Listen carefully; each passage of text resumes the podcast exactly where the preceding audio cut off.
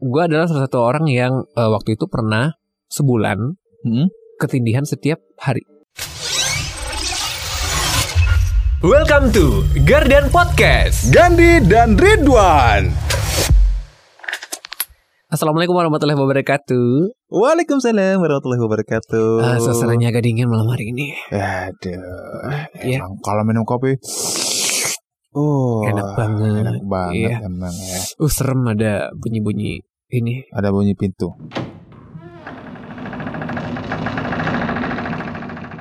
Ada bunyi serigala juga. Iya.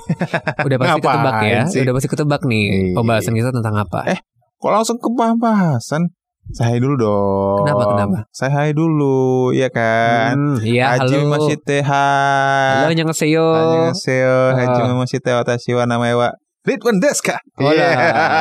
Iya. Gimana tadi? Gitu. Haji Masite. Hai, Ya, sudah lah. Perkenalkan nama saya. Heeh. Saya Gandhi. Eh, saya Ridwan. Welcome to Garden Podcast Classy People. Eh, Classy People, bukan. bukan siaran ini. Aduh, udah Eh. lama nggak ketemu kita balik lagi. Heeh. Garden Podcast. Gandhi dan Ridwan. Oke, nah ini udah edisi berikutnya. Ini nggak edisi perdana lagi. Kalau edisi perdana kita sudah diisi oleh Mas Ray. Kita udah bahas pernikahan. Entah kenapa bisa muncul ide untuk membahas itu. Mm-mm. Nah kali ini kita punya ide yang lain. Tadi kan di, di- ini ya. udah Oh ya juga udah ada narasi awal awalnya ya. tadi ya. Heeh. Ada suara-suara ini. Nanti bakal nanti di podcast ini Heeh. akan gue tambah Apaan? Uh, backsound backsound yang agak-agak horor. Jadi kalau eh Kenapa kenapa? kalau ada suara-suara yang nggak nggak jadi. Misalnya gini. Bayangin ya. Iya. Di malam yang sunyi. Iya. Yang gelap sepi. Tapi sih? gini lu harus ingat eh Ridwan, lu harus ingat background dan efek apa yang lu masukin. Oh iya. Karena kalau ada suara-suara Hati-hati. lain Ah, yang iya. tidak diundang, nah berarti kita kedatangan tamu yang lain. Oh iya. Padahal kita ini nggak ada gestar ya. nggak ada. Ah. Malam hari ini kita nggak ada gestar ya. Heeh. Jadi kalau misalnya kalian dengerin suara-suara yang Lain. tidak Mudah-mudahan diundang, tidak ada. Jangan parno dulu. Heeh. Karena gini, untuk hari ini itu kita ingin membahas sense of horrornya orang-orang Indonesia. Iya. Balik lagi ke Emang apa yang menarik sih dari sense of horror orang Indonesia? Menariknya begini loh, Bro Gandhi. Eh. Nggak tahu ya. Ini seperti kayak kecenderungan orang-orang Indonesia dengan cerita yang ada ada mistisnya, ada Eh. horor-horornya itu pasti bikin orang sangat ter- ah, sangat pengen dengerin, ya kan? Buktinya nih, bisa dilihat dari waktu tuh waktu belakangan ini di mana cerita bergenre horor itu akan uh, banyak peminatnya, akan beberapa yang ada yang bahkan viral di media sosial. Dan ini bukan pertama kalinya ya. Contoh mungkin yang seingat saya terakhir itu ada kayak ditemukannya eh, ada makam makam ayam Mm. ayam ayam mati yang dimakamkan di dekat pe- eh, pemakaman umum gitu loh. Oh, Jadi ayam itu dibungkus dengan kain dan kain itu ada kayak nama-nama orang, nama-nama ya nama ya hal-hal yang mistis lah itu kayaknya ka- ka- konon katanya ya itu adalah pelet ada yang bilang Wih. begitu. Nah itu kan itu yang terakhir yang saya yang yang waktu jadi itu tujuannya viral. adalah pelet ya? katanya. Hmm. Saya Terus juga tahu. ada nih cerita-cerita yang lain, misalnya kayak KKN di desa penari. Ah, ah. Terus apa lagi nih ya cerita-cerita yang viral itu ya. Em, misalnya kayak Lasso. Ariel Lasso waktu itu Hmm. pernah konser di Terus? satu daerah di dekat Kalimantan Hmm, dan dia itu ternyata ditonton oleh makhluk-makhluk astral. astral. Gitu. Nah. Ih, gue serem. Tapi Takut gue. tapi benar loh tingginya minat orang Indonesia dengan cerita horor Ya, itu terlihat juga dari banyaknya penonton film bergenre horor iya. di bioskop.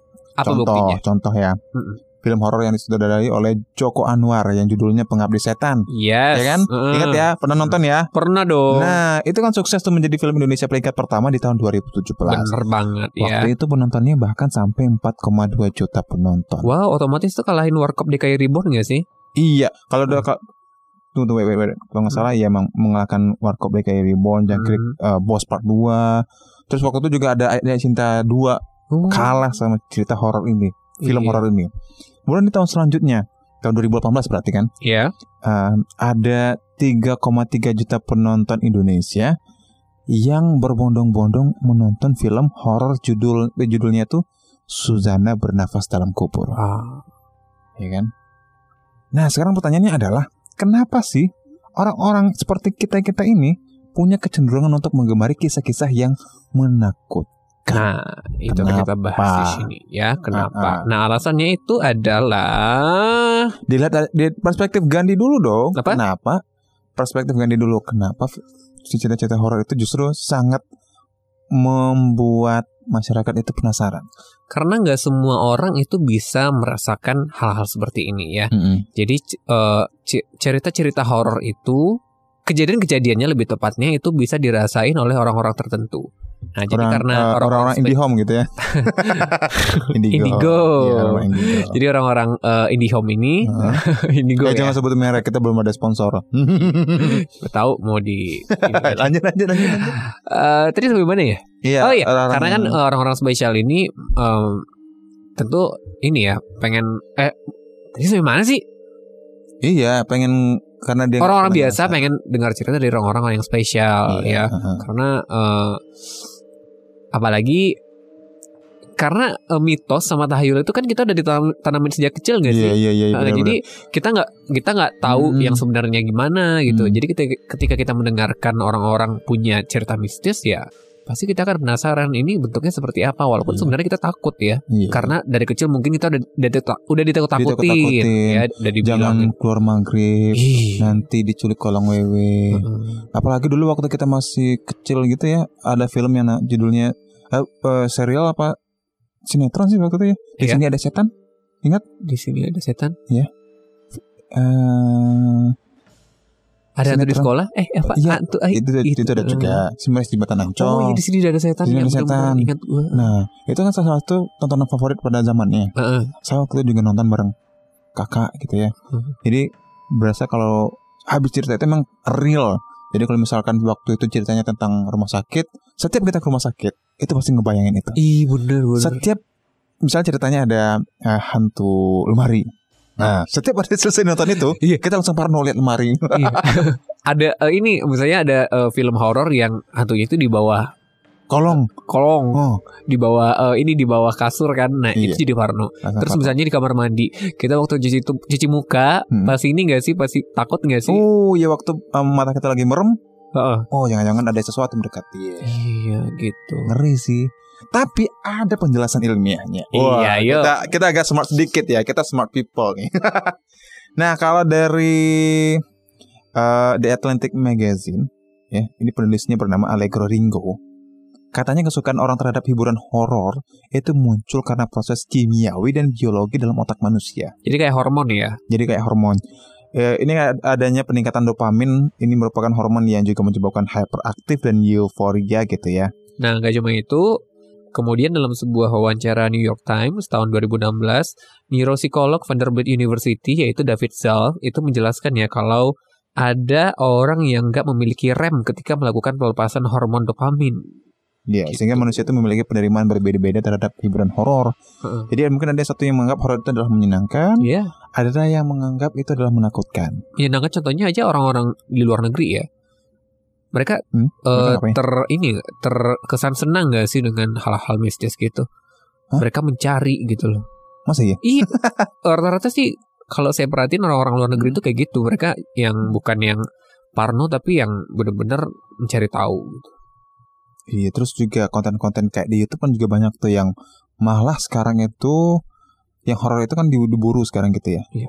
Uh, Tokoh-tokoh horor di Indonesia, Siapa? uh, Miss Miss Kun misalnya, Oh ya, oh iya iya. iya. atau yang yang sejenis-jenis itu justru kalau di konten YouTube itu bahkan diburu gitu loh, Iya. dicari sampai ke asal di mana. Waktu itu ada, ada yang viral juga gak sih Miss Kun itu ini eh jadi ada satu video yang direkam Heeh. sama orang Heeh. bahwa rumah di di depannya itu ada miskun yang lagi Oh iya iya iya iya iya dia, dia yang dia duduk yang, di atas genteng. di atas genteng ya. Oh, iya, iya, katanya iya. gede banget. Tapi nggak tahu deh itu beneran apa cuma eh, settingan aja biar viral. Tapi kalau menurut saya sih itu beneran ya. Karena tahu dari fakta-fakta yang dia beberkan Iya. waktu itu. Nah, karena kita nggak punya keahlian yang seperti gue jadi kaget. kita nggak punya keahlian seperti orang-orang indi, indi indigo tadi ya, ya kan? Ah, Terus kalau kita lihat dari juga perspektif eh, secara ilmiahnya, Ya. eh, ada profesor dari Purdue University, ada Prof Glenn Sparks ya. Ya, dia punya statement begini. Ketika orang menikmati cerita horor atau menonton film-film yang menakutkan, itu kan detak jantung, kemudian tekanan darah, serta pernafasannya akan meningkat. Nah, sensasi itu bertahan setelah film setelah, eh, selesai, kemudian mempengaruhi emosi setelah menonton ataupun membaca cerita horor. Tapi, biasanya orang tanpa sadar akan berfokus pada pengalaman menonton dan membacanya, bukan film atau ceritanya. Pengalaman sensasinya itu yang bikin mereka jadi kecanduan. Oh, Itu sama kayak mungkin orang makan pedes kali ya. Dia Heeh. tahu pedes ini kayak nyiksa agak gitu. nyiksa ya, tapi Heeh. sensasi nyiksa itu enak. enak kayaknya. Kayak, Sakit-sakit kayaknya gitu enak deh, kayaknya ya. gitu ya, kayaknya ya. Saking ininya ya. Eh, ya jadi gitu deh ya. eh nggak is- eh, apa eh, sense of jerah itu nggak ada Sense kalau misalnya nonton makanya- film horor. Ya apalagi kan kita dari dulu memang em, horor-horor ini sangat dekat lah dengan masyarakat ya. Horor dan mistis gitu loh. Eh tapi Dan- katanya ada yang bilang gini loh kalau Hmm. misalnya kita em, ketemu Hmm. sama makhluk itu, Hmm. itu karena di dalam otak kita kita udah membayangkan dia gitu. Oh, jadi di bawah alam sadar kita itu udah udah ngebayangin itu.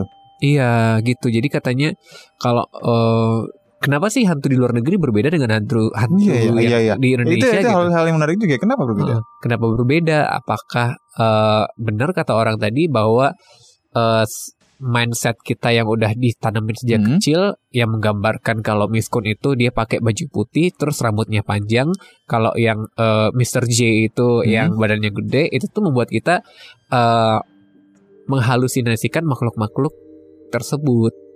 Oh, bisa jadi sih. Dan kan ada ada juga kayak semacam ilusi optik gitu ya.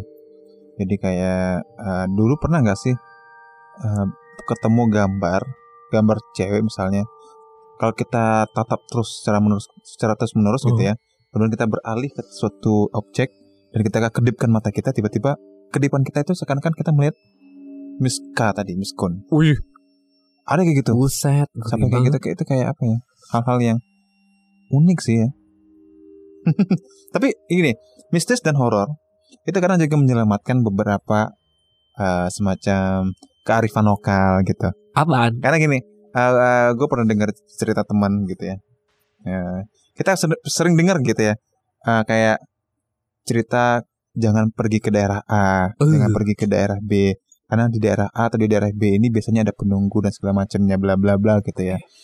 Uh, nah, sebelum menjadi ini bukan kita bukan kita syirik percaya dengan hal itu, tapi ternyata orang-orang yang percaya hal ini secara tidak langsung itu justru menjaga aset yang ada di da- daerah tersebut. Contoh, um, dari cerita temen gue itu, uh, dia bilang ada gunung, gunung uh, di di sisi gunung gitu ya, sisi gunung yang di selalu diceritain sama masyarakat sekitar bahwa situ ada penunggu dan segala macamnya. Iya. Nah ternyata setelah dia coba amati dan diteliti, terlepas dari mistis itu, ternyata di situ ada semacam kayak uh, kekayaan alam yang ada di situ, yang ada di gunung itu, Heeh. yang sangat em, bukan eh, bukan sangat melimpah sih Dilindungi. Oh banyak. banyak gitu ya. Heeh. Tapi supaya tidak bisa di apa di Ambil ekspor orang, atau diambil dicuri. orang, dilindungilah dengan cerita-cerita misi tadi. Oh gitu. Jadi secara tidak langsung itu akan melindungi apa yang ada di dalam daerah itu. Oh bisa jadi bisa jadi bisa Hmm. jadi. Contoh nih, Heeh. satu, satu lagi temen eh, temen gue ini ya eh, ada sebuah batu yang setiap tahun itu selalu membesar. Batu apa itu? Nah, jadi jadi ada jadi muncullah kemudian ada cerita mistis kan. Oh, berarti batu ini adalah batu yang ada penunggunya atau ada hal-hal mistis di situ. Iya kan. muka lu biasa aja sih. Iya, maksudnya gitu ya. Tapi, Gue jadi takut. tapi Eh. karena temen gue ini orang eh, misalnya kayak orang eh, apa sih pertambangan atau hal yang paham dengan jenis-jenis bebatuan dan ternyata bebatuan itu memang jenis batu yang yang kalau kena air secara terus menerus dia akan mengembang dan itu memecahkan istilahnya memecahkan uh, cerita horor Ah. masyarakat setempat ya kan memecahkan mitos tersebut ya. Nah, Oke, supaya makin seru kita akan mengundang Miskun tadi. iya Eh, enggak. Enggak jangan. Eh, gini, gue juga eh, gue udah gak siaran malam lagi ya eh, gini, gue juga adalah salah satu orang yang bisa dibilang apa ya, eh, bukan merasakan ya, merasakan, tapi bukan yang nggak pernah melihat sih, alhamdulillah. Tapi gue merasakan ketika tidur. Nah, jadi ada ilmu secara eh, kedokteran dan ada eh, mitos. Jadi pernah dengar istilah ketindian gak sih? iya iya iya iya iya ketindian. Jadi gue adalah salah satu orang yang eh, waktu itu pernah sebulan Hmm? ketindihan setiap hari Eh, pagi. oke lu pernah cek ke dokter apa konsul gitu Eh, nggak pernah, tapi waktu itu memang eh, ini ya. kondisinya lagi capek sering capek eh, banyak kegiatan pagi gimana Nah nggak tahu ya. Eh, yang pasti waktu gue ketindihan itu ada apa ya? Ada semacam eh. Pokoknya waktu ketindihan itu serem banget deh. Eh, ada yang gue ngelihat eh rambut keluar dari dinding, kayak gitu gitu sampai kayak gitu ya? Terus eh, ngelihat om gue yang eh, nggak ada. ada di pintu oh yang di pintu waktu gue ketindihan gue minta tolong tolong tolong Hmm. tapi gue gak keluarin suara terus tiba-tiba om gue itu ngelihat gue dan dia langsung Hmm. pasang muka serem terus kayak mau ngejar gue gitu Iya. Terus ada lagi yang eh, waktu itu gue lagi tidur terus kayak ada gelombang yang mau masuk ke mulut gue gelombang? Iya kayak gelombang gitu loh yang mau masuk masuk ke dalam Oh. mulut. Tapi gue tahan gue tutup terus mulut gitu. Jadi gue eh, kayak mulut itu dipaksa buka gitu. dibuka gitu loh. Ya terus apa lagi ya eh, waktu itu gue udah kayak capek kan gue mikirnya kayak yaudah deh ini kayaknya eh, ini deh sugesti doang deh. Jadi ketika gue ketindihan gue mikirnya mungkin gue kecapean ya udah dibiarin aja. Jadi gue santai gitu kan. Tetapi ketika gue biarin gue santai posisi tangan yang waktu itu gue taruh di atas perut eh di di mimpi itu ya. Jadi di mimpi itu gue meletakkan tangan di atas perut Hmm. dan perut gue bener-bener sakit waktu itu. Jadi kayak tangan gue tuh ngeluarin kekuatan yang Uh. bikin perut gue sakit. Bener-bener sakit Kayak dan gue gitu nggak ya? tahan gue nggak tahan akhirnya gue sadar waktu gue sadar tangan gue itu nggak di atas perut akhirnya gue takut banget gue teriak sama eh, orang di luar untuk eh tolong gue waktu gitu. itu dia udah udah denger gitu udah udah sadar waktu itu udah sadar terus gue gue eh, gini Hmm? memang kan kalau untuk ketindihan ini ada juga eh, eh, penjelasan secara ilmiahnya Hmm. di mana waktu kalau nggak salah kalau gue nggak salah ya eh, di saat kondisi otak kita udah eh, maksudnya Lelah. mata kita sudah tidur. Heeh. eh, tapi otak kita belum tidur. Jadi kayak gimana ya? Mereka masih beraktivitas tapi kita padahal mata kita udah udah tidur. Ya, badan kita udah ada istirahat tapi otak kita masih ini. Jadi akhirnya eh, secara- apa REM-nya itu masih belum belum non aktif apa, gimana gitu? Ya tapi ini sih gue awalnya sih kayak percaya ya kayak karena gue orangnya bukan tipe yang percaya sama tahayul. Susah banget buat percaya tapi ketika gue ngerasain itu kayak ini nggak Hmm. mungkin ini nggak mungkin eh, secara apa ya nggak eh, menurut gue ketindihan yang gue rasain itu bukan Hmm. terkait sama ilmu kedokteran ya tapi ini adalah eh, bener-bener kayaknya ini adalah hal yang mistis mistis gitu. Gua dan waktu itu waktu sebulan yang waktu sebulan itu gue pernah eh, bahkan gue sampai sekarang beberapa Hmm. kali ketindihan terus ya. Eh, waktu sebulan itu memang waktu itu didatengin yang bisa ngobatin gitu. Dia kayak ngasih makan kayak ng- ngasih makan si penunggunya Hmm. itu Hmm. dan memang hilang waktu itu dan nggak ada lagi karena benar-benar capek ketika ada dalam kondisi itu bahkan gue pernah waktu itu kayak dia nyerang gue terus gue Hmm. perang gitu sama dia oke tapi dengan adanya kejadian yang seperti itu itu bikin lu jadi ini gak sih bang kayak males mendengar cerita horor atau justru lebih tertarik mendengar cerita horor? Kalau mendengar sih tertarik tertarik aja ya tapi eh, ketika gue ada di kondisi itu gue kayak duh capek banget gitu. Gue kayak waktu itu sempat kayak takut tidur kayak aduh gue nggak mau tidur. Karena capek benar-benar capek di Iya. harus ngelawan itu semua. Iya. gitu. Dan eh, waktu itu gue pernah dengar juga di YouTube waktu itu ada yang eh, bikin tentang cerita horor juga. Hmm. katanya kan eh, hantu itu akan menjauh ketika ada gelombang elektromagnetik magnetik gitu jadi gue Contohnya ketika gue Hah? eh, ketindihan gue bangun gue hidupin eh, streaming di laptop gitu Oh. atau gue pindah keluar gue hidupin TV itu katanya bakal jauh, bisa bantu. bisa bantu dan memang benar terbukti Oh, Oke oke oke. Nah kalau dari cerita lu tadi kan berarti ada beberapa hal juga yang membuat orang berpengaruh dengan ketertarikan uh, mendengarkan cerita atau cerita horor gitu ya. Iya. Eh, kalau dari beberapa sumber yang gue coba cari, katanya orang-orang yang cenderung suka mencari sensasi itu lebih mungkin menyukai cerita horor. Orang Oh, yang gitu. suka mencari sensasi, katanya begitu. Hmm. Em, ada juga orang yang membenci cerita horor mungkin karena memiliki sifat yang sensitif. Jadi mereka itu mudah terstimulasi oleh lingkungan mereka dan cenderung lebih berempati pada orang lain. Artinya kalau seandainya ada cerita horor, dia dia langsung merasakan itu kayaknya gue bisa rasain deh. Oh. Itu. Terus eh, ha- reaksi yang berbeda juga mungkin akan dirasakan oleh orang-orang yang em, memiliki pengalaman di masa kanak-kanaknya gitu ya. Bahkan ada beberapa yang takut terhadap film horor ataupun cerita horor bisa jadi karena pengalaman masa lalu. Jadi katanya begini, orang-orang yang memiliki pengalaman yang baik ketika masih muda itu kan merasa senang ketika menonton sesuatu yang menakutkan. Hmm. Karena dia nggak ada pengalaman apa-apa. Tapi kalau mungkin di masa kecilnya dia memiliki pengalaman yang kurang baik terkait dengan mistis tadi mungkin ya, dia akan merasakan hal yang sangat takut atau ibaratnya trauma lah ya Hmm. uh, dengan hal-hal yang berbau mistis tadi. Nah kalau kita mungkin yang nggak pernah ngalamin hal-hal yang aneh, mungkin waktu kecil slow-slow aja, Hmm. menarik-menarik aja gitu ya. Tapi kalau orang yang yang udah pernah lihat segala macamnya Iya sih, karena nggak ngeri, gua aja yang ngerasain ketika tidur itu emang eh, ini ya ngeri ya. langsung trauma. Eh, gitu kan. trauma ya bahkan waktu gue tidur tuh ada yang nyanyi di belakang gua aduh serem Nyanyi apa lagi nih? iya ada yang nyanyi Kayak kayak bukan boneka. Enggak ya? Enggak. Iya, udah deh. Gua semakin berinding nih harusnya. Udah deh. Ah, ini podcast kita yang kedua. Iya podcast kita yang kedua Ini tentang sense of horror.